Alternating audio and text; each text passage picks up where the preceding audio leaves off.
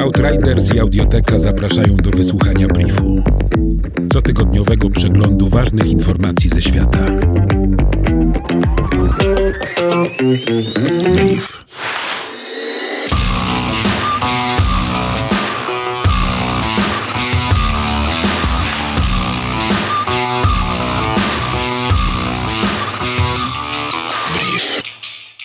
Dzika przyroda budzi się do życia kilka miesięcy wcześniej z powodu zanikania zimy związanego z ociepleniem klimatu. Brytyjska organizacja The Woodland Trust prowadzi program Nature Calendar, w ramach którego prosi swoich członków o rejestrowanie oznak zmieniających się pór roku.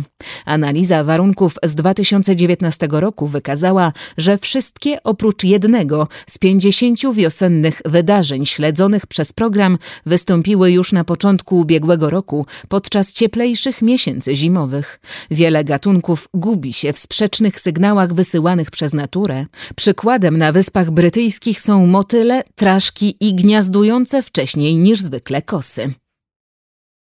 Uprawa pszenicy ozimej, czerwonej, miękkiej w Stanach Zjednoczonych spadła do najniższych poziomów od ponad 100 lat, w stanie Illinois o 25%. W związku ze zmianami klimatu zmieniły się warunki wysiewu. Na środkowym zachodzie USA występują coraz większe opady deszczu i wilgoć, a gleba jest bardziej błotnista. To opóźnia prace polowe. Rolnicy wysiewają więc tylko soję wiosną, rezygnując z wysiewu pszenicy jesienią.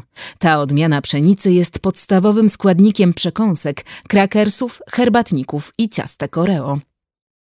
Uprawa papryki chili w południowym Pakistanie spadła o 40% z powodu ekstremalnych upałów. Uprawa chili stanowi 1,5% PKB tego kraju.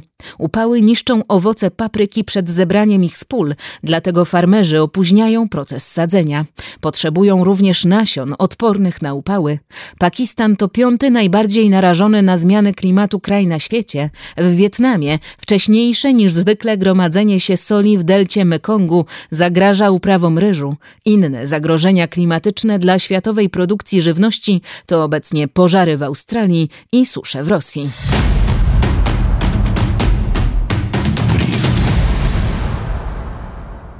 Projektanci i architekci starają się dostosować architekturę do zmian środowiska wynikających z kryzysu klimatycznego. Jednym z wyzwań jest przygotowanie się na wystąpienie powodzi w związku z rosnącym poziomem mórz i oceanów.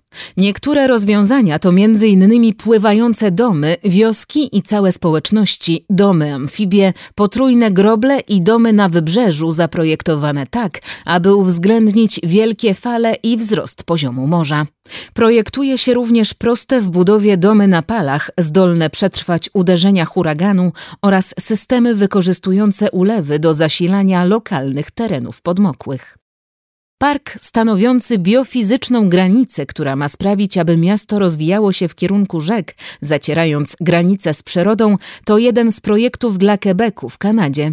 Dostępnymi rozwiązaniami są projekty we wszystkich kształtach, formach i skalach, które współpracują z naturą dzięki pływającym budynkom, poprawianiu barier przeciwpowodziowych i przekształcaniu ich w przestrzeń rekreacyjną.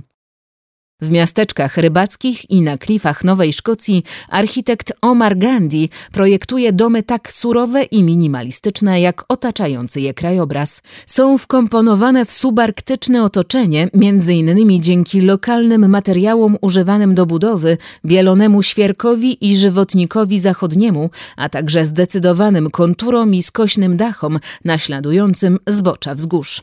Łączą elementy tradycyjnej lokalnej architektury z nowoczesnymi trendami, zarazem wytrzymują trudne warunki pogodowe tej prowincji Kanady. Brief Outriders.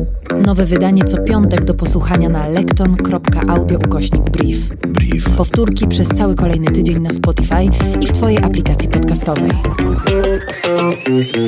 Brief.